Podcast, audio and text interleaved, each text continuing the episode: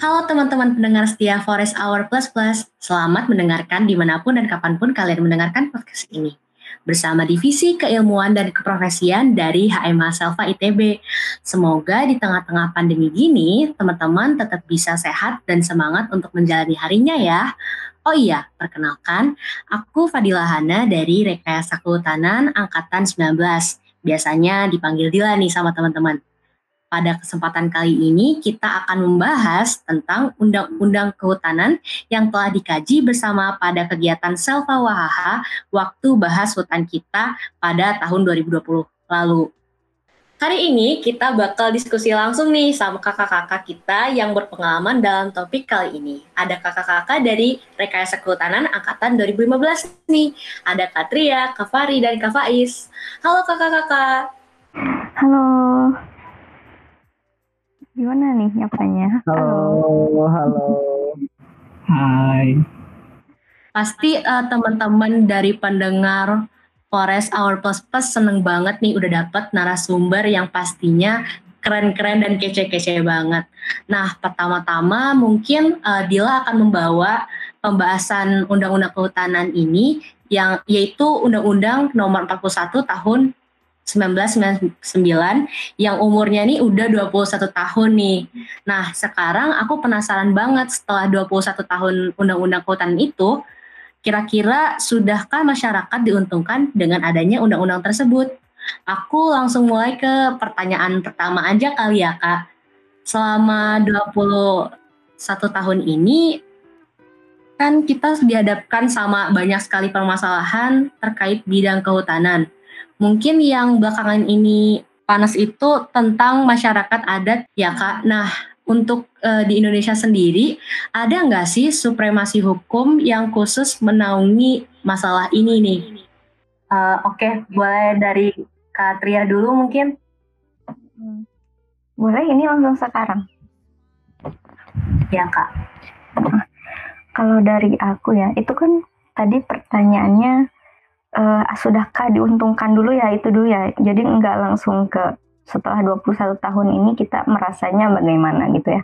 Ke keuntungannya dulu mungkin positifnya dari adanya undang-undang nomor 41 tahun 1999 yang dirasakan banget sekarang gitu sama saya dan mungkin eh, orang-orang uh, yang bergerak di sektor kehutanan mungkin lebih ke perizinan ya kalau positifnya. Perizinannya itu jadi lebih mudah dengan adanya undang-undang itu, tapi eh, apa ya? Misalnya perizinan sistem informasi pengelolaan hutan produksi lestari. Terus kalau saya di konsultan lingkungan biasanya lebih ke OSS-nya gitu. Ngurusin perbenihan, maksudnya perizinan ber, untuk berusaha di perbenihan, atau ke pemegang izin uh, apa namanya uh, penggunaan pemanfaatan hutan gitu penggunaan kawasan hutan. Nah izinnya itu mungkin lebih dimudahkan ya. Nah itu positifnya. Namun mungkin juga da, selain sisi positif pasti ada dampak negatifnya. Nah salah satunya yang terasa di hutan adat ya yang waktu tadi pertanyaannya. Uh, yang ditanyain itu supremasi hukum ya jadi sebenarnya kalau kita lihat dari hakikat undang-undang yang paling atas itu yang paling tingkatan pertama itu Undang-Undang Dasar 1945. Nah, di sana sebenarnya udah kata udah ada e, secara jelas tertuang gitu ya, terutama dalam pasal 1 ayat 3 walaupun tidak merujuk ke sektor kehutanan aja, tapi general, tapi pasal 1 ayat 3 ini mencakup semua uh, apa namanya negara kita itu negara hukum. Nah itu yang pertama. Kemudian yang kedua untuk Undang-Undang Dasar 1945 dari pasal 28 jadi tentang hak-hak uh, termasuk ini karena kita membicarakan hutan adat berarti ada hak yang juga di uh, apa namanya dimiliki gitu oleh masyarakat adat. Nah itu dari hakikat undang-undang yang paling uh, atas itu yang paling luhur secara secara hakikat Undang-Undang Dasar 1945. Nah, yang lebih khususnya ke Undang-Undang Dasar eh, eh ke Undang-Undang Nomor 41 Tahun 1999 juga di eh, lebih jelas gitu tercantum. Nah, di situ ada pasal 1 ayat angka 6, pasal 4 ayat 3, pasal 5 ayat 1, ayat 2, ayat 3, pasal 67 ayat 1, pasal 29A, pasal 29B. Nah, itu mungkin ya yang saya baca mengenai apa namanya? Uh, runtutan uh, hukum gitu ya yang melingkupi semua tentang hutan adat dari Undang-Undang 45 ya pasal-pasal uh, yang demikian yang saya sebut tadi, kemudian dari Undang-Undang Kehutanan yang tadi.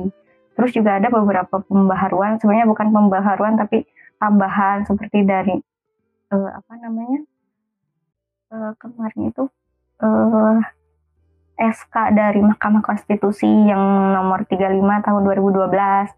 Nah, itu sebenarnya udah jelas untuk hukumnya gitu. Tergantung kita melihatnya sekarang eh, apakah itu dipermasalahkan atau tidak, kita berarti harus melihat ke yang paling baru ya yang sekarang di apa namanya dilakukan. Yang paling baru berarti yang sekarang dilakukan. Tapi juga merujuk ke peraturan perundang-undangan yang lama. Kita harus bisa mensinkronkan itu gitu. Tapi bisa jadi undang-undang yang sebelumnya sama undang-undang yang baru sekarang nggak sinkron juga gitu bisa jadi. Nah kita sekarang akan menggali itu nih semua tapi tadi karena pertanyaannya supremasi hukum gitu ya, jadi hukum yang tertinggi untuk eh, apa namanya permasalahan hutan adat ini, yaitu yang tadi aku sebutin gitu. Oke, terima kasih nih Katria. Sangat apa ya istilahnya tuh insightful gitu karena aku baru tahu tentang ini sih. Oke, mungkin bisa ke Kak Faiz Uh, Oke, okay. kalau supremasi hukum mungkin tadi sudah banyak dijelaskan sama Tia dan, dan itu udah cukup lengkap ya. Soalnya uh, jujur kalau di di bagian perundang-undangan aku juga sebenarnya kurang update. Cuma yang jelas sih kalau kalau hutan adat sih kalau secara kebijakan semakin ke sini sebenarnya semakin baik. Jelas semakin baik karena awalnya kan dulu nggak ada ya tuh yang namanya uh, hutan adat kan ya hanya berlaku berlaku di daerah itu aja.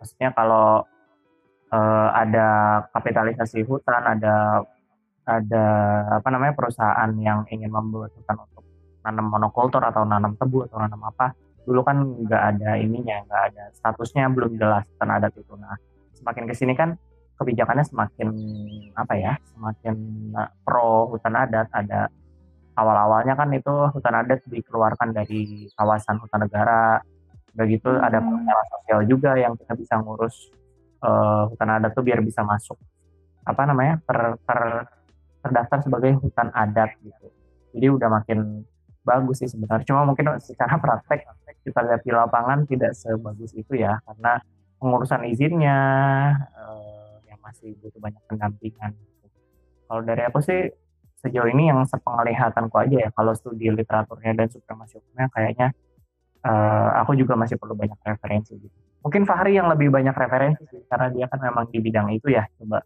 Fahri mungkin lebih banyak infonya. Oke, uh, izin menambahkan juga. Jadi kan sebenarnya pertanyaan pertama adalah sudahkah Undang-Undang 41 ini sudah uh, apa diuntungkan masyarakat sudah diuntungkan dengan adanya undang-undang 41 ini jadi seperti yang kita ketahui kan undang-undang 41 ini merupakan salah satu undang undang pokok kehutanan ya untuk uh, praktek kehutanan di Indonesia secara umum dan banyak sekali produk-produk turunan dari undang-undang ini seperti peraturan menteri, keputusan menteri ataupun kebijakan kebijakan-kebijakan teknis lainnya. Nah, terkait dengan supremasi hukum uh, terkait supremasi hukum masyarakat adat ini sebenarnya uh, selalu diupdate ya dan uh, benar kata Faiz bahwa uh, semakin lama semakin baik dan semakin diusahakan agar masyarakat adat ini mempunyai hak-hak yang uh, sejati lah atas dari tanah ulayatnya itu sendiri. Seperti yang kita ketahui uh, ada peraturan terbaru terkait supremasi hukum masyarakat adat itu um, merujuk ke peraturan Menteri nomor 17 tahun 2020. Sebenarnya ini juga merupakan apa ya revisi dari peraturan sebelumnya uh, peraturan 21 tentang Kementerian KLHK tentang hutan adat dan hutan hak tahun 2019 ini merupakan salah satu supremasi hukum paling update terkait uh, masyarakat adat dan hutan adat. Nah, di mana di sini lebih spesifik lagi membahas terkait bagaimana pengolahan di hutan adat dan uh, bagaimana cara penetapan penetapan hutan adat ini karena masalah yang paling utama terkait hutan adat ini adalah konflik dengan sebenarnya konflik dengan hak pengusahaan hutan lainnya seperti HTI maupun HPH. Padahal uh, masyarakat adat itu telah ada sebelumnya di situ dan HPH ini baru sehingga banyak terjadi konflik. Hari ini utamanya sih diakibatkan oleh ketidakjelasan dari strukturan dan legalitas masyarakat adat ini yang hanya berupa katanya-katanya padahal uh, memang dalam kenyataannya masyarakat adat emang memiliki apa ya struktural yang seperti itu yang belum mungkin pemerintah sendiri belum aware terhadap masyarakat adat yang banyak sekali di Indonesia.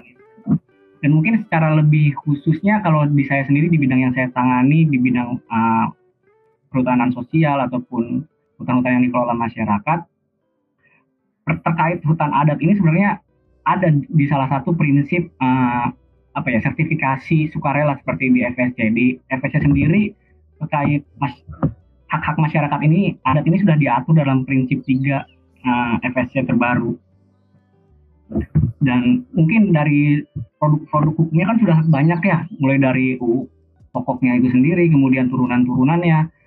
Nah yang mungkin yang kurang ini adalah di implementasi dan dukungan dari pemerintah itu sendiri di mana ya tadi karena banyaknya masyarakat adat sehingga uh, pendataan-pendataan dan pemfasilitas fasilitasi dari pemerintah ini kurang terhadap uh, eksisnya dari masyarakat itu sendiri sehingga masih terjadi konflik-konflik antara masyarakat adat dengan baik itu HPH maupun dengan HGU seperti perkebunan kelapa sawit dan perkebunan-perkebunan lainnya.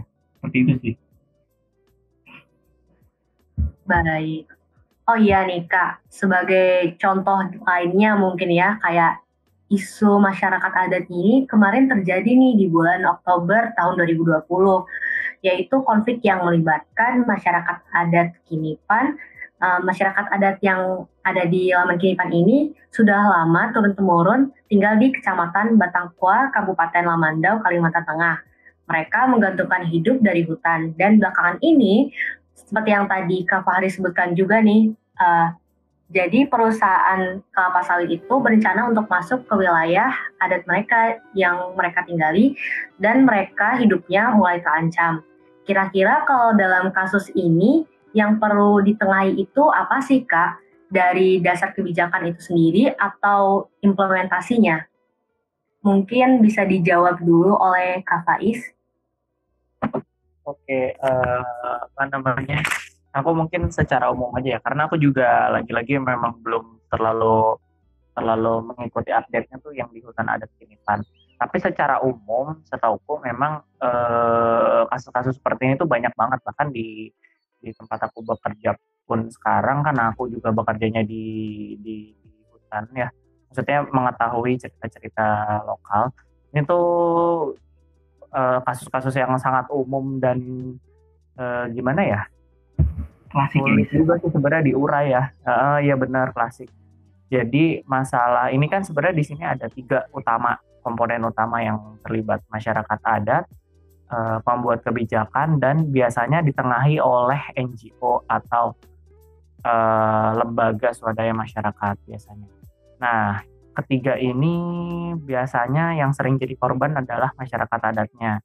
Entah jadi korban oleh NGO-nya atau jadi korban oleh uh, apa tadi stakeholdernya si pemerintah ataupun perusahaan yang akan masuk itu.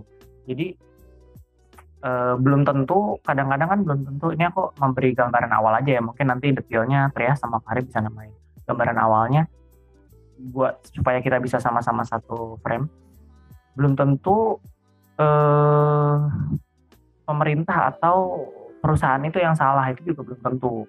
Kadang-kadang ada NGO-NGO yang memanas-manasi masyarakat adat untuk uh, apa namanya mengambil keuntungan untuk demo-demo supaya mereka dapat bagian. Kadang-kadang realitanya ada yang seperti itu. Tapi ada juga yang memang perusahaan yang izinnya tidak lengkap tapi sudah membabat hutannya atau menghancurkan hutan yang seharusnya atau dia memang dapat izin resmi tapi ternyata misalnya dapat izin resmi untuk uh, penanaman sawit itu tadi tapi ternyata izinnya itu dikeluarkan dengan penilaian yang nggak sesuai dengan prinsip-prinsip lingkungan. Nah kayak gitu gitu sebenarnya faktornya banyak sih dan kita harus melihat secara keseluruhan. Jangan sampai kita sebagai mahasiswa rekayasa kehutanan tuh uh, terlalu memihak ke NGO terlalu memihak ke apa namanya ke masyarakat adatnya juga tapi harus memang benar-benar kita screening. Ini masalahnya apa sih sebenarnya gitu. Itu mungkin buat sebagai gambaran untuk masalah-masalah seperti ini sih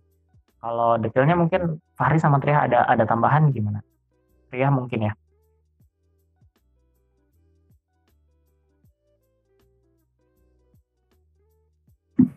Oke, uh, mungkin aku ingin melanjutkan yang Pais aja ya. Setuju banget sama Pais. Jadi terkait masalah uh, permasalahan hutan adat ini kita ambil aja secara umum karena aku juga mungkin gak terlalu ikutin dengan berita di Kinipan ini bagaimana prosesnya dan bagaimana pada akhirnya ya benar titik pertama kita harus screening secara umum dulu terkait masalah-masalah uh, apa aja sih sebenarnya yang terjadi terus di uh, kita breakdown uh, kira-kira penyebabnya itu apa aja nah tapi kalau dari aku sendiri aku pribadi ya uh, terkait tadi yang ditanyain sama Dila, apakah ada dari dasar kebijakannya sendiri atau implementasinya?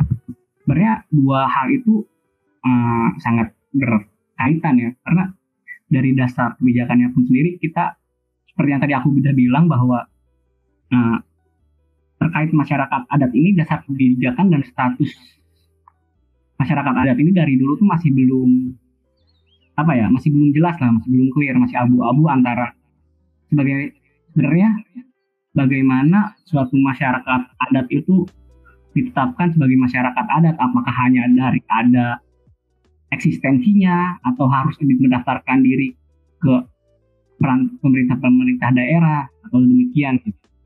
Nah mungkin masyarakat pun masih belum aware akan ada misal uh, ada peraturan bahwa untuk penetapan masyarakat adat itu pun harus didaftar terdaftar oleh pemerintah daerah setempat. Jadi ah, ini sebenarnya saling keterkaitan antara dasar kebijakan yang mungkin kurang sampai ke mas masyarakat adat itu sendiri atau adanya uh, gimana ya adanya masalah yang jadi aji mumpung gitu terkait uh, oh ini kan hutan saya kemudian ada perusahaan sawit yang mau masuk. Terus ada pihak ketiga yang mengompor-ngompori atau menjadi uh, apa istilahnya oknum untuk ini nggak boleh ini nggak bisa harusnya ini jadi lahan bapak atau lahan ibu yang sudah lama di sini masyarakat adat yang ada di sini. Kayak gitu. Ini sebenarnya yang yang baik lagi terkait permasalahan ini lebih umum ya kita harus telah lagi bagaimana uh, sebenarnya hal ini tuh penyebab utamanya apa aja dan tentu saja harus diperbaiki antara dasar kebijakan itu sendiri dan implementasi di lapangan terkait penyampaian uh, informasi profesi apa saja sih yang harusnya diketahui oleh masyarakat adat dan prosedur itu seperti apa? Ya. mungkin dari pemerintah atau dari mahasiswa atau dari akademisi ya, itu bisa memfasilitasi untuk apa ya membuka wawasan masyarakat terkait hal tersebut. Karena ya kita ketahui masyarakat adat itu mungkin keterbatasan informasi atau apa pun. Sehingga saat adanya oknum-oknum ya jadi tersulut seperti itu. Dari aku sih. Hmm. mungkin dari saya ya tambahan. Sebenarnya tadi eh kedengeran nggak? Kedengeran kak. Sebenarnya tadi saya lagi menjelaskan tiba-tiba ada yang berbicara pas lihat tes ternyata saya tidak on mic-nya. Gitu. Jadi sebenarnya ini saya mau sedikit cerita nggak apa-apa ya. Jadi tentang laman kinipan itu tadi sebentar saya baca beberapa di web gitu ya di internet. Ternyata itu versus PT SML ya PT Sawit Mandiri Lestari. Nah uh, setelah saya lihat ceritanya, ternyata ini ada tumpang tindih hak guna usaha. Jadi sebenarnya balik lagi ke kebijakan karena di Undang-Undang 41 tahun 1999 itu kan pasal 67 eh, disebutkan bahwa masyarakat hukum adat berhak melakukan pemungutan hasil hutan, mengelola dan memberdayakan hutan dalam meningkatkan kesejahteraan selama wilayahnya diatur dalam perda. Nah, itu sebenarnya saya garis bawahi diatur dalam perda. Jadi e, dari kebijakannya itu memang e, hutan adat yang sudah apa namanya? yang sudah mendaftarkan diri dan secara resmi diakui di peraturan daerahnya, dia diakui di daerahnya gitu. Nah, ternyata laman kinipan ini pas uh, lihat ceritanya uh, belum sampai ke pengakuan dari daerahnya gitu. Jadi sebenarnya sawit mandiri lestari juga ya PT SML ini tidak merasa bersalah dan memang tidak bersalah gitu karena eh, apa namanya pengusaha sudah mendapatkan izin dari pemerintah. Nah, tapi pihak dari e, desa eh dari hutan adat Laman Kinipan juga merasa tidak memberikan persetujuan ke PT SML. Kenapa PT SML masuk ke wilayah kita gitu padahal wilayah kita bukan bagian dari hak guna usahanya PT SML. Nah, ternyata yang salahnya itu ada di kadastral gitu di peta pertanahannya. Ternyata di peta pertanahannya oh si eh, apa namanya hutan adat Laman Kinipan ini belum me, secara resmi gitu ya, secara resmi belum ada surat menyurat yang legal dari pemerintah daerah gitu. Tapi secara izin memang masuk ke wilayah hak guna usaha dia gitu, eh hak guna usaha sawit mandiri lestari. Jadi dua-duanya sebenarnya tidak salah gitu. Jadi di sini sebenarnya pas eh, ketika ber, kan ini ada proses pengumpulan masyarakat juga ya secara nasional dan dari daerah Laman Kinip, Laman Kinipan dan sekitarnya. Bupati dan jajarannya juga nggak datang juga. Nah itu yang menjadi pertanyaan. Ini benar yang dikatakan sama Fahri tadi bahwa ada beberapa pihak juga yang menjadikan ini aji mumpung juga gitu. Jadi ada beberapa pihak, eh, saya tidak eh, mengatakan itu pemerintah ataupun eh, wilayah adatnya sendiri atau pengusaha gitu ya atau pemegang izin itu menjadikan ini aji mumpung tidak tapi beberapa pihak di antara mereka itu selalu ada aja yang bermain di sana gitu salah satunya di sini. Kenapa bisa terjadi tumpang tindih HGU padahal sebenarnya eh, Paman Kinipang ini sudah berpuluh-puluh tahun yang lalu gitu dari nenek moyang eh, Indonesia udah ada gitu. Nah sebenarnya ini juga menjadi bimbang ya ketika kita melihat kebijakan. Di pasal 67 kan tadi saya bilang sudah dikatakan bahwa hutan eh apa namanya masyarakat hukum adat berhak melakukan ini itulah ya tadi mengelola, memungut hasil hutan, memberdayakan hutan sesuai perda. Nah, terus pasal 29-nya A sama B-nya mengatur landasan hukum untuk izin perhutanan sosial jika masyarakat memiliki izin ini, maka mereka yang melakukan usaha di sana atau yang mengelola hutan di sana terlindungi dari sanksi saat berkegiatan gitu di kawasan hutan lindung dan produksi. Nah ini sebenarnya yang menurut saya jadi eh, konflik ya. Jadi dalam eh, apa namanya dalam satu undang-undang ini pasti ketahuan lah saya nanti pro-nya ke mana dalam satu undang-undang nomor 41 tahun 1999 ada pasal-pasal yang uh, jadi dualisme sebenarnya saya gitu. Dan salah satu masalah yang terjadi yang laman kinipan itu. Jadi di pasal 29A 29B ini uh, landasan hukum eh mengatur landasan hukum tentang izin perhutanan sosial untuk siapa pun. Nah, sedangkan sebenarnya negara itu harus memperhatikan masyarakat hukum adat yang di pasal 67 gitu. Jadi ketika masyarakat hukum adat telat gitu ya, telat ngasih apa namanya mengajukan telat untuk mengajukan eh, apa namanya persyaratan-persyaratan dan lain-lain lah.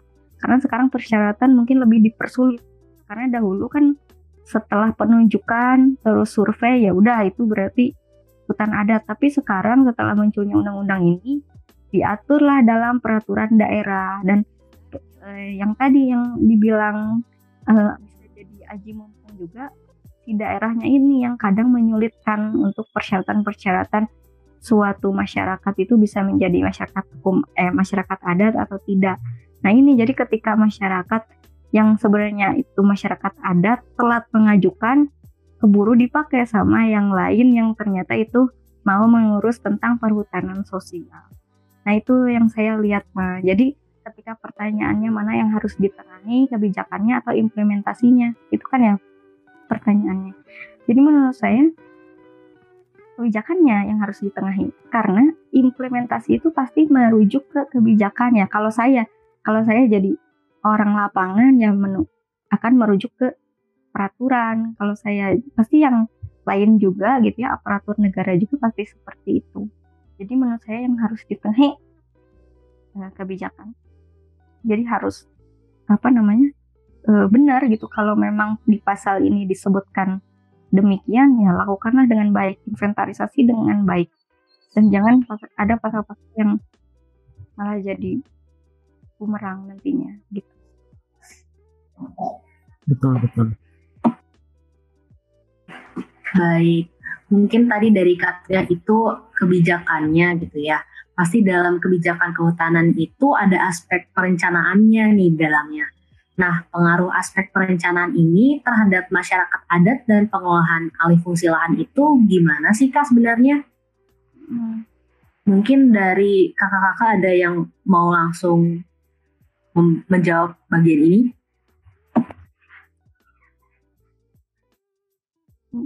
Boleh mungkin saya dulu ya? Iya, Tria. Ya. Hmm. Uh, ya pasti sebelum menentukan pasti dirancang dulu ya perancangan hutan. Seingat saya waktu masih ini masih sekolah gitu ya. Di perancangan hutan itu kan ada lima tahap apa enam tahap saya lupa. Pokoknya yang pertama itu inventarisasi. Jadi uh, mengumpulkan semua data lah, mau data uh, apa namanya ya apalah dat semua data primer, sekunder semuanya dikumpulkan sampai benar-benar menyeluruh, benar-benar lengkap. Nah, setelah diinventarisasi baru dikukuhkan gitu. Masuk ke ke bagian pengukuhan. Jadi eh, statusnya, lihat batas-batasnya, terus lihat apa namanya? Eh, wilayahnya gimana, batas-batas wilayahnya gimana, luas wilayah hutannya gimana. Nah, langsung ke penataan ya atau penata ya penataan lah. Nah dari penataan ini lanjut ke pemetaan. Jadi eh, penggambaran informasi gitu mau secara langsung bisa survei gitu kalau memang memungkinkan. Tapi sebaiknya ih sebaiknya itu gitu ya langsung dan melibatkan masyarakat juga kalau memang itu memetakan mas hukum eh memetakan, memetakan uh, hutan adat ya berarti pihak pemerintah dengan pihak uh, masyarakat adatnya gitu langsung. Atau melalui penginderaan jauh bisa itu sebagai data pendukung mungkin ya. Nah baru sudah itu pengaturan. Kalau perencanaan hutan kan itu ya lima itu sebenarnya yang pokoknya.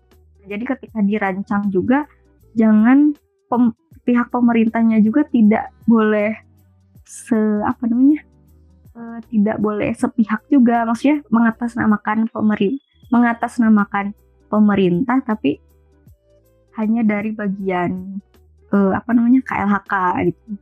Padahal sebenarnya ini uh, nantinya berhubungan juga dengan pertanahan. Berarti ajaklah BPN terus hubungan juga sama RT RW mungkin gitu ya. Ini uh, saya rada uh, rada menyangkut pautkan sih. Misalnya berhubungan juga sama RT RW berarti ajak juga dari planologi jadi semuanya gitu. Jadi ketika ada suatu saat nanti beberapa tahun ke depan ketika ada pemegang izin usaha yang mau membuka apa pun mau itu ladang mau itu eh, apa namanya ya pemanfaatan hutan lah di di kawasan itu tidak ada kejadian seperti uh, yang laman kinipan itu lagi gitu. Karena semuanya udah jelas dari pemerintahnya demikian dari masyarakat adatnya juga setuju demikian dari bupati dari badan BPN ATR BPN dari RT RW dari peta semuanya sama itu sih sebenarnya dari perancangan kalau dari saya Mungkin dari kakak-kakak yang lain ada yang ingin menambahkan? Mangga Is.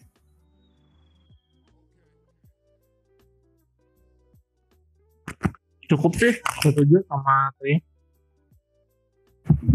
Iya, uh, setuju banget. Udah detail sih apa yang disampaikan uh, Triam. Ini ya gambaran besarnya seperti itu. Terus tadi disangkut pautkan dengan uh, kolaborasi dan terintegrasi data berbagai pihak sih.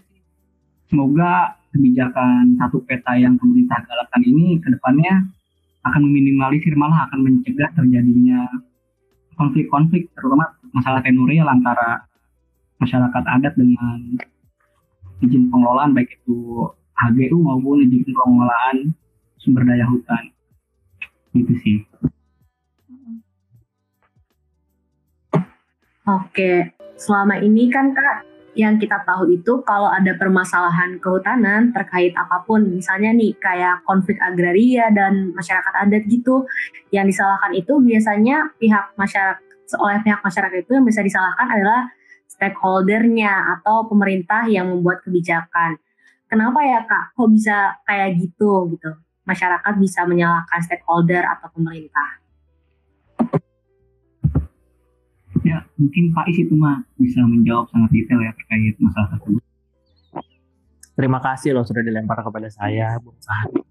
Ya, jadi uh, kenapa sebenarnya sih enggak sih, enggak selalu sih, cuma memang ketika apa ya, memang selalu suuzon sih pasti kayak gitu ya, Maksudnya pasti mengarah ke pemerintah. Padahal sebenarnya di lapangannya itu sepengamatan saya sendiri itu ya itu seperti yang tadi saya gambarkan di awal bahwa memang kan uh, stakeholdernya ada ada tiga. Kalau sama masyarakat adatnya sendiri berarti ada empat. Masyarakat adat NGO pemerintah dan uh, perusahaan uh, atau pihak luar.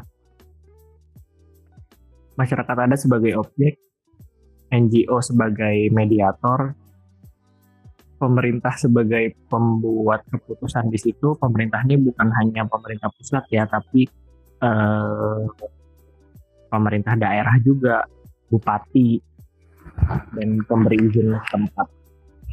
Satu lagi itu pihak luar yang berkepet punya kepentingan. Nah ini sebenarnya nggak selalu pemerintah yang salah sih kadang juga contohnya waktu saya TA di Kalimantan Selatan ya sama Fahri sama Tia juga banyak NGO-NGO yang hampir setiap hari itu demo di depan perusahaan tambang. Nah itu juga sebenarnya sering gitu, maksudnya mereka demo menuntut perusakan lingkungan lah apalah gitu. Padahal sebenarnya izinnya tuh ada dan lengkap gitu. Kadang ada NGO-NGO lokal yang mereka hanya ingin mendapat keuntungan dari situ demo biar dapat bagian dan lain-lain seperti itu itu juga banyak cuma mungkin nggak sering diberitakan sekalinya pemerintah salah atau uh, apa namanya pembuat kebijakan salah kan pasti itu besar dong dampaknya makanya selalu di blow up besar gitu padahal sebenarnya kalau yang salah ya sekali lagi emang harus kita screening benar-benar mana ini uh, yang, yang izinnya lengkap atau enggak. Terus apakah benar ini merusak lingkungan sesuai prinsip lingkungan itu kan harus dilihat. Jadi kalau menurut saya sih nggak selalu pemerintah salah sih dan uh, harus kita lihat secara menyeluruh sih. Itu kalau kenyataannya di lapangan ya. Mm betul betul betul. Ya gitu nggak Tria mm sebenarnya itu juga jadi memang resiko jadi pejabat pemerintah ya. Karena ini kan negara demokrasi gitu. Dari rakyat oleh rakyat dan untuk rakyat. Semuanya kan subjeknya ini rakyat. Jadi ya pantas kalau rakyat ya tidak ingin disalahkan gitu. Jadi rakyat nyalahin siapa lagi ya pemerintah. Kalau itu jawaban bercanda ya maksudnya uh, jawaban yang yang menurut saya itu memang risiko aja gitu. Risiko jadi pejabat pemerintah ya itu nggak disalahkan. Padahal sebenarnya di lapangan juga pasti ada yang pro bahkan banyak yang pro. Cuman media-media yang memblow up atau yang me, apa namanya ya memang terlihat sedikit timpang ketimpangan sih di media media Indonesia itu. Banyak lebih banyak pemberitaan yang haus gitu berita negatif. Itu yang di yang di apa yang namanya yang dimunculkan gitu. Jadi banyak yang termakan itu. Padahal banyak kok yang sebenarnya yang uh, pro juga. Nah kemungkinan juga sebenarnya kalau saya analisis juga dari pemerintahan gitu ya mungkin selama lebih dari 30 tahun kan kita uh, apa namanya dibungkam gitu ya. Maksudnya uh, sebelum generasi kita itu dibungkam di zaman orde baru. Nah setelah orde baru selesai ya kita bebas berpendapat. Nah itu jadi kelihatan banget kita selalu disalahkan. Padahal dulu juga mungkin hmm, orang-orang juga seperti itu, cuman eh, karena tidak boleh, tidak ada kebebasan berpendapat, tidak diatur gitu, jangan ya nggak boleh lah, nggak boleh eh, berpendapat yang macam-macam, di diem aja.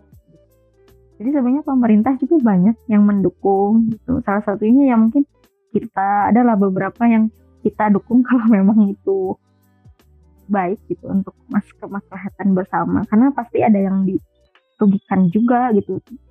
Maksudnya bukan dirugikan tidak terlalu inilah eh, tidak akan semuanya merasa diuntungkan ketika setiap eh setiap ada kebijakan gitu. Pasti ada orang yang biasa-biasa aja gitu tidak diuntungkan tidak dirugikan cuman yang di blow upnya itu di media orang-orang ngikutin aja maksudnya mantap oke oh jadi ternyata nggak selalu pemerintah nih kalau menurut dari kakak-kakak narasumber kita. Sebenarnya gimana sih kak caranya supaya kita itu bisa memandang suatu permasalahan kehutanan itu secara menyeluruh gitu kan. Jadi nggak cuma menyalahkan pihak-pihak tertentu aja gitu kak dalam memahami masalah ini. Menurut pandangan kakak bagaimana kak? Mungkin aku dulu ya. Uh, aku sekalian tadi menanggapi pertanyaan yang tadi. Hmm, feedback ya? Iya. Uh, menanggapi pertanyaan yang tadi kan sebenarnya pertanyaan ini lucu juga sih sebenarnya. Tadi pertanyaan adalah mana sih tadi? Ah kenapa yang disalah yang disalahkan sama pihak masyarakat itu pasti stakeholder atau pemerintah yang membuat kebijakan sebenarnya kalau kita balikin pertanyaan adalah siapa yang disalahkan pemerintah pasti masyarakat gitu. Ini sebenarnya nggak beres-beres kalau pertanyaan di kayak gitu gitu. Pasti selalu ada yang ya cari pelaku lah sebenarnya nggak ada yang mau salah. Sebenarnya harusnya tadi lanjut untuk uh, pertanyaan ini terkait sebenarnya bagaimana sih cara kita memandang suatu permasalahan itu? Ya kita ambil dari berbagai macam perspektif bermacam sudut pandang. Nah, kita ambil dari sudut pandang pemerintah itu sendiri sebagai pembuat kebijakan. Kita ambil sudut pandang sebagai uh, masyarakat sebagai uh, implementator kebijakan. Kita ambil sudut pandang sebagai NGO sebagai fasilitator. Nah setelah kita tahu dari situ kita uh, pahami dari masing-masing. Itu sih yang uh, plus minus dari berbagai dari masing-masing sudut pandang itu sih. Nanti kita bakal tahu uh, masalah sebenarnya secara komprehensif itu dimulainya dari apa dan solusinya harus seperti apa. Mungkin saya bisa menambahkan. Iya benar. Pasti semua apa semua jawaban nanti kayak gitu juga itu yang ideal. Jadi sebenarnya cara memandang dari berbagai sudut pandang. Ya kita harus pintar-pintar menelaah aja, menelaah apa yang kita terima gitu sebelum kita berpendapat atau mengeluarkan tanggapan kita ke orang lain gitu. Jadi saat ada berita apa pun itu ya analisis dulu beritanya. Jadi diusahakan jangan sebenarnya kalau saya ya diusahakan jangan dari media yang berhubungan dengan partai politik. misalnya saya nggak bisa nyebut mereknya di sini. Bisa nggak? Keren nih partai. Ya misal uh, TVA gitu ya. TVA misal memang tuh punyanya partai B gitu. Jadi eh TVA punyanya partai A gitu. Jadi dia yang memberitakan ya lebih condong ke arah mana gitu. Jadi sebenarnya jangan terlalu lihat media-media itu tapi lihat sumbernya jadi media-media itu cuma sebagai oh info ini nih gitu. Lalu kita ambil sumbernya dari mana. Terus kalau ada permasalahannya ditinjau dari beberapa pengamat juga. Kalau itu memang urusannya politik kita tinjaunya jangan dari pengamat politik tapi dari pengamat lingkungan pengamat sosial atau pengamat ekonominya gitu biar seimbang gitu. Harus tabayun ya Tia? Ya tabayun ya Pak Is Pak Isnya ke WC oh. Eh, asla ya gitu Loh, gimana gimana? Lagi udah oh, pertanyaan terakhir itu ya? Oke, mungkin yang terakhir nih Kak. Kenapa sih kita sebagai mahasiswa rekayasa kehutanan itu harus peduli dengan masalah-masalah terkait hutan adat ini? Dan apa yang bikin kakak tertarik pada permasalahan terkait masyarakat adat ini? Apa gitu kak, kayak yang ngebuat kakak kayak klik banget uh, buat ngurusin masalah masyarakat adat gitu kak? Hmm. Fahri dulu nih, kayaknya yang memang bersinggungan. Aku dulu aja deh Fahri gongnya soalnya. Oh oke. Okay. Ya dulu aja deh. ya, Kalau aku sih menurutku ini sih. Yang paling utama adalah karena adat itu yang paling jujur dalam melindungi lingkungan tuh adat atau masyarakat lokal itu yang paling jujur karena dia hidup dari situ gitu. Masyarakat adat eh, Baduy misalnya yang paling umum lah ya, paling terkenal. Kenapa mereka begitu tertutup kenapa mereka begitu selektif terhadap orang yang masuk sana, kenapa mereka punya peraturan, adat, itu semuanya tujuannya kan karena eh, mereka melindungi tempatnya.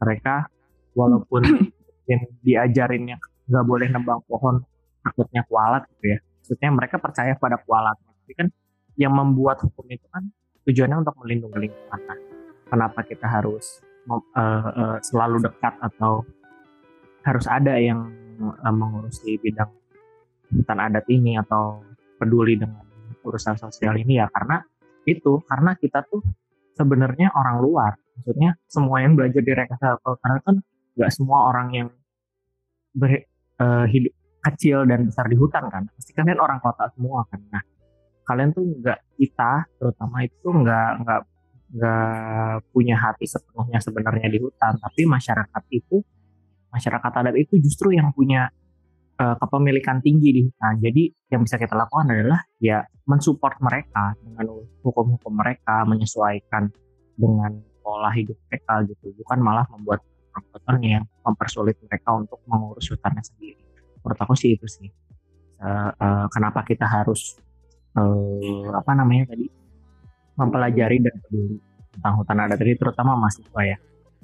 Itu gimana tadi ya Fahri? Fahri dulu deh. Yoi, setuju banget sama Faiz tadi.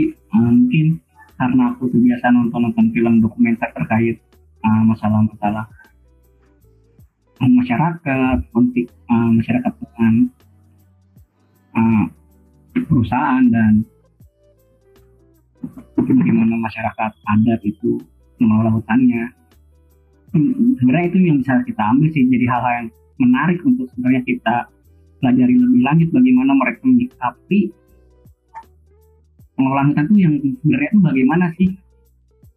Ada uh, mungkin ada kutipan menarik dari warga Badu yang pernah saya tonton di salah satu dokumenter bahwa ya udah kita menjaga hutan tuh secukupnya gitu misalnya. Ya asal kita bisa makan atau kita bisa menghidupi masyarakat yang ada di sini itu cukup. Jangan jadi pintar tuh tapi kebelinger gitu. Misalnya kita memanfaatkan apa yang ada di eksploitasi berlebihan padahal kan kehutanan ini berbeda dengan apa ya istilahnya kita sumber daya mineral yang memang tidak terbarukan dan eksploitasinya masih pun ya saat ini ya di eksploitasi, masif tahun selanjutnya ya bakal habis juga gitu. Jadi sebagaimana kita efektivitas dan efisiensi produksi ya itu akan selalu ditingkatkan. Tapi untuk kehutanan sendiri kan ini adalah sumber daya yang sustain ya berkelanjutan. Jadi harus tetap berpegang pada prinsip-prinsip lingkungan itu sendiri yang harus ya udah aja kita mengolah hutan kita mengeksploitasi hutan agar mampu terpenuhi aja tidak usah berlebihan. Jadi itu dari aku. Setuju setuju banget. Eh, walaupun walaupun pekerjaan yang sekarang itu tidak langsung gitu ya bersentuhan dengan kehutanan atau bersentuhan khususnya dengan hutan ada tapi kenapa tertarik? Karena kalau saya melihatnya masalah kehutanan itu masalah yang interdisiplin gitu ya. Masalah yang apa sih namanya multi pandangan juga gitu. Jadi saat ada satu masalah kita bisa mencari ribuan analisis gitu. Enggak ribuan juga peribahasa gitu ya. Analisisnya banyak gitu. Terutama kalau untuk masalah apa namanya hutan adat ya. Ini kan sangat bersinggungan dengan masalah sosial kemanusiaan. Nah karena saya manusia ya saya jadi tertarik gitu. Jadi masalah kehutanan juga terutama masalah adat ini yang tadi contohnya yang laman kinipan ini masalahnya unik ya. Tidak seperti politik gitu. E, karena sebagian besar masalah kehutanan apalagi tentang hutan adat ini kan berusaha berurusan dengan sejarah gitu ya. Berurusan dengan asal usul berurusan dengan nenek moyang. Nah itu yang membuat saya ingin belajar ingin ter ya jadi belajar gitu maksudnya jadi tertarik. Nah kemudian kenapa kita sebagai mahasiswa rekayasa kehutanan harus peduli gitu? Karena kita kan sebagai mahasiswa kehutanan yang belajar gitu yang belajar kehutanan belajar sungguh-sungguh mendalami itu dan nantinya akan menjadi orang yang mengerti gitu tentang hutan dan kehutanan. Nah bagus ketika penerus kehutanan itu adalah orang yang mengerti kehutanan. Ya itu kita gitu. Penerus kehutanan itu ya kita mahasiswa yang sekarang yang yang nanti setelah lulus ya mungkin berkecimpungnya di dunia itu gitu. Kita yang menjadi penerus gitu. jadi memang harus peduli dari sekarang. Karena tidak mungkin kita terus saja mengandalkan pejabat-pejabat pemerintah yang sekarang usianya makin lama makin tua gitu. Pasti nanti ada generasi yang kita duduk di sana gitu. Jadi kita harus peduli dengan bagian ini dengan bagian sektor ini kehutanan. Itu ya dari saya. Keren pisan.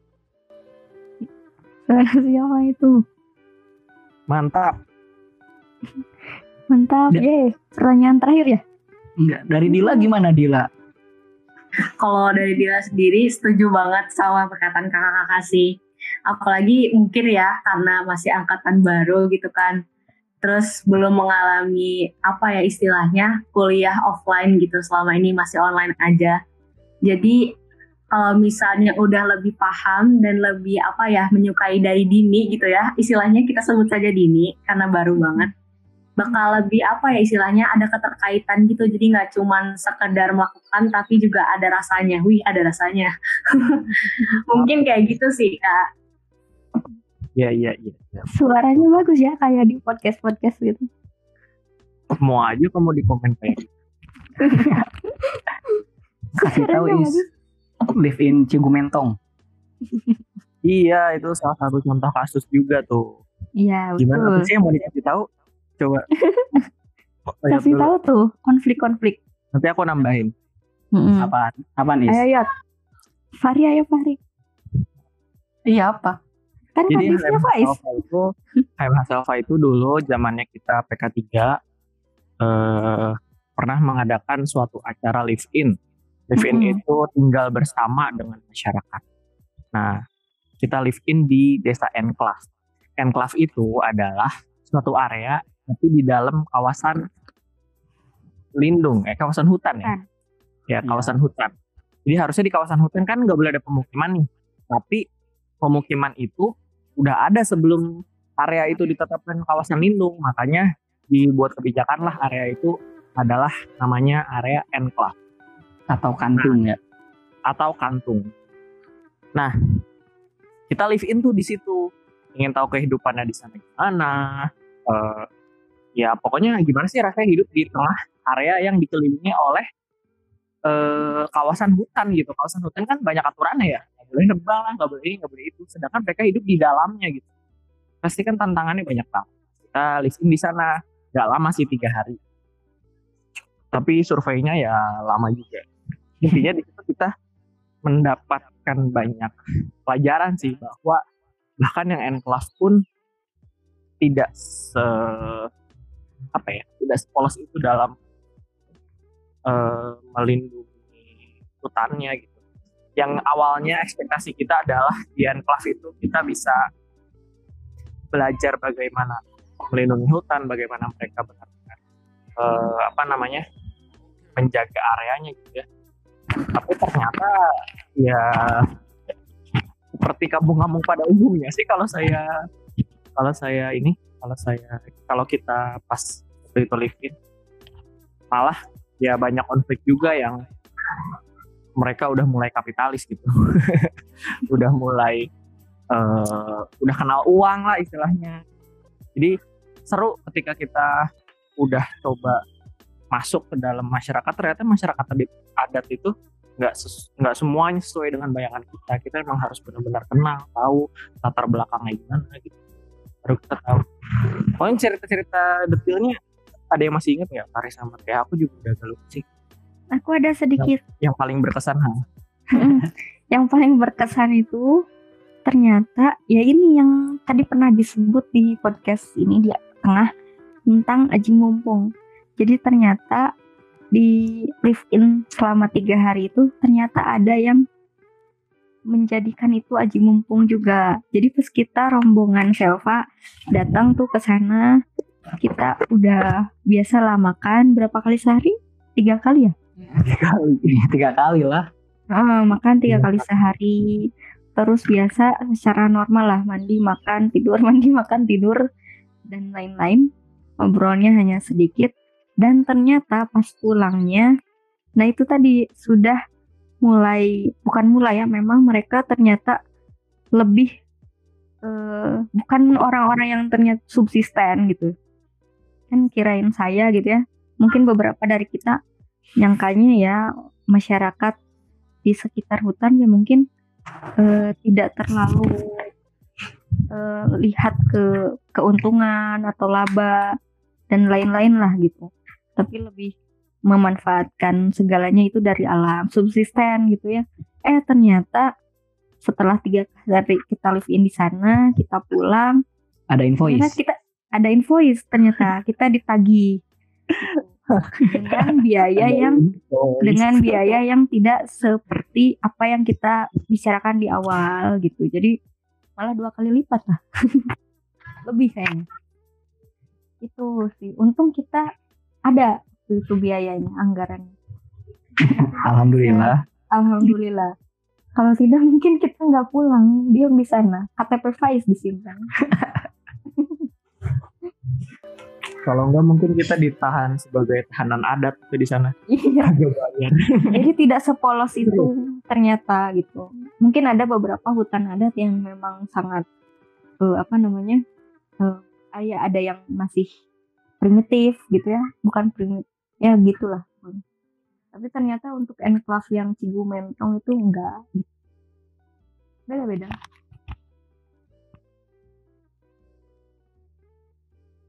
Oke, ada lagi nggak nih Kak cerita-cerita menarik dari kegiatan kakak yang udah pernah dialamin gitu?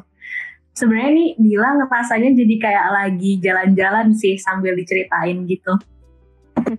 Nah itu bagus tuh berarti Dila ini nanti bisa jadi dosen biologi. Apa? Garing. Enggak enggak. mohon maaf ya emang kepala departemen kita Tad- tadinya tadinya saya kalau ini bukan podcast ya tadinya pengen banget ngelau bukan ngelawak eh, apa namanya nembak-nembak ke Faiz, ke Fahri gitu. Eh ternyata podcast aku deg-degan sebenarnya. Iya, gimana? kita nggak biasa serius soalnya dari Iya, zaman biasa serius kita. Iya kita diskusi aja ya. gini. Hmm, mohon maaf ya Dila kalau misalnya nanti rekamannya ternyata banyak eh gitu atau banyak ketawa, ada batuk, ada gimana. Mohon maaf. Kita nggak biasa. apalagi ya pengalamannya ya kalau mas berhubungan dengan masyarakat adat paling berkesan sih itu sih lift yang Cigu Pentong itu itu, tuh sih. waktu itu Faiz sama Fahri kan pernah ke Cimulu juga. Gimana tuh? mulu Oh yang ada pohon. oh Is- is- ya, yang ada itu. iya iya iya lu ini kalau diomongin bahaya aja jangan. Oh, ya jangan. jangan. Jangan. Kan udah di- udah ditebang is. iya intinya eh, eh, apa ya ya Gak ada intinya kayak. nggak ada intinya sih. Ya intinya itulah apa namanya kawasan enclave itu punya banyak ya, maksudnya dari dari contoh kasus dua yang udah kita datangi sendiri yang Selva datangi sendiri itu ternyata masyarakat adatnya tidak sesuai dengan yang kita pelajari gitu. Itu sih intinya. Maksudnya kita belajar itu kan. Cerita-cerita dari sana oh masyarakat adat itu sangat bergantung dengan alam. Sangat hidupnya selaras dengan alam melindungi gitu kan. Wah ya udah dong kita buktikan sendiri. Kita bikin acara tiga hari dua malam menginap tanpa sinyal tanpa listrik untuk mengikuti kegiatan masyarakat aja. Pokoknya mereka pagi-pagi ke ladang ya kita ikut ke ladang. Mereka pulang sore ya kita pulang sore. Malam-malamnya gelap-gelapan cuma ngobrol-ngobrol aja sambil makan ya kita ikut gitu tapi pulang-pulang dikasih invoice dong. Kaget nggak lu? Nah maksudnya ya ya itu. Realitanya tuh seperti itu. Dan nanti Java juga harus apa ya harus berani untuk melihat realitanya di lapangan. Apa yang kita terima di kelas atau apa yang kita terima dari info-info di mana pun media sosial itu harus kita recheck lagi sebagai forest engineer ya maksudnya harus benar-benar datang gitu karena kenyataannya di hutan ini permasalahannya karena hutan itu letaknya selalu jauh dari pusat informasi maka yang bermain itu banyak itu aja sih itu sementara dari Tuh. Bener banget, setuju. Oh iya, saya mau tanya Dila dan kawan-kawan itu setelah belajar kita tentang hutan adat ini belajarnya di apa sih sosiologi kehutanan ya pertama kali. iya iya Iya kak. Nah untuk Dila dan kawan-kawan pada udah tahu kan eh, hutan adat itu sekarang bukan hutan negara, bukan masuk hutan negara. Halo Dila. Halo Kak. Uh, kalau buat Dila sendiri sih terakhir tuh baru denger yang di berita kalau nggak salah terakhir tuh nonton di TV dan itu udah ada gitu kayak apa sih penjelasan tentang hutan adat itu emang udah bukan lagi hutan negara ya tadi ya kak? Itu udah pernah dengar juga. Cuman kalau belajar secara formal tentang itu sih belum pernah kalau buat Dila nih kak. Iya. Takutnya masih masih ke Undang-Undang 41 tahun 99 gitu. Karena pas tahun 2012 kan ada beberapa alien. Aman itu aliansi masyarakat adat Nusantara ya. Nah jadi eh, eh, jadi eh, apa namanya perwakilan-perwakilan aman se Indonesia itu eh, apa namanya mengadakan perkumpulan dan mengajukan banding gitu ke Mahkamah. Jadi awalnya kan dibilang bahwa hutan adat adalah ya hutan negara yang eh, ada hak-hak masyarakat adatnya gitu. Nah, karena ada apa namanya perundingan itu maka diubahlah melalui em, SK dari Mahkamah Konstitusi yang tadi saya sebutin tanggal eh tahun berapa 2012 nomor 35. Jadi Mm-mm. sekarang hutan adat, hutan negara, sama hutan hak ada tiga. Mm-mm. Benar. Kalau untuk yang paling update yang tadi aku sebutin Hmm, di Permen 17 tahun 2020 itu. Mm-mm. Oke, terima kasih nih kakak-kakak. Mungkin ada apa ya istilahnya kata penutup nih yang kira-kira bakal pas banget buat materi ini tuh buat uh, teman-teman yang mendengarkan podcast ini juga kira-kira ada nggak nih pesan khusus gitu dari kakak-kakak? Yang suka berpesan mah biasanya Fahri ya. Iya, Fahri pesannya bagus-bagus. Emang biasanya pesan singkat sih. Mungkin Pak sih. Pesan singkat mau SMS. Ya intinya pesan buat kalau buat mahasiswa rekayasa kehutanan sih ya itu tadi sih. Eh, eh, hutan itu benar-benar sangat tidak bisa kita pelajari hanya dari bahan kuliah karena pemasangan di hutan itu sangat kompleks belajar ekologinya aja maksudnya yang nggak ada urusan sama sosial nih manusia apa alamnya aja gitu itu udah sangat kompleks gitu urusan uh, burung Betul. dengan pohon dengan uh, apa regenerasinya gitu. Pokoknya urusan alamnya aja itu udah sangat kompleks gitu tentang kepunahan dan lain-lain. Nah belum bicara dengan ketika ada manusia di dalamnya. Urusannya udah sosial apalagi tadi masyarakat adat lah dengan kebijakannya ekonominya. Hutan kehutanan itu sebenarnya satu dunia sendiri gitu di luar eh, dunia-dunia yang bidang pekerjaan lain kehutanan itu adalah satu dunia sendiri yang banyak kita bisa andil di dalamnya kamu mau jadi apa di dalamnya pun bahkan aku sekarang di bekerja di bidang teknologi aja ya masuknya ke kehutanan juga dan berurusan dengan peraturan-peraturan kehutanan juga dan orang-orang lulusan kehutanan juga gitu. Nah, jadi untuk khususnya mahasiswa rekayasa kehutanan eh apa ya? Apa pun yang kalian dapatkan atau apa pun yang kalian pelajari sekarang itu eh sega emang harus datang ke tempatnya langsung gitu melihat realita yang ada rimbawan jangan takut keluar untuk belajar semua hal-hal yang ada di dalam hutan gitu. Jadi nggak bisa textbook seperti jurusan-jurusan lain seperti manajemen akuntansi yang kita bisa belajar sendiri di rumah. Tapi kehutanan tuh harus datang langsung kalau perlu Hemat Alfa fasilitasi kegiatan-kegiatan yang mahasiswanya bisa menilik langsung kayak contohnya tadi di zaman kita kita mengadakan live in langsung di enclave untuk mengetahui realitas sebenarnya untuk membenturkan apa yang udah kita pelajari dengan realita. Terus ternyata nggak kayak gini, mampus lu bingung gimana gitu kan. Nah itu bahan yang bahan bakar yang bagus buat memulai karir di kehutanan. Benturan antara yang kita pelajari dan realita. gitu. Mending satu-satu. Fahri gimana? Tadi kan Faiz, Fahri. Setuju nggak, Dil? Aku setuju sama Faiz sih. Iya tuh. Fahri biar biar podcastnya rada lama gitu. Enggak ngapain, lihat aja dulu. Ya kan mikir dulu ini. Ya udah cukup Faiz aja berarti. Nanti Iya, ini iya.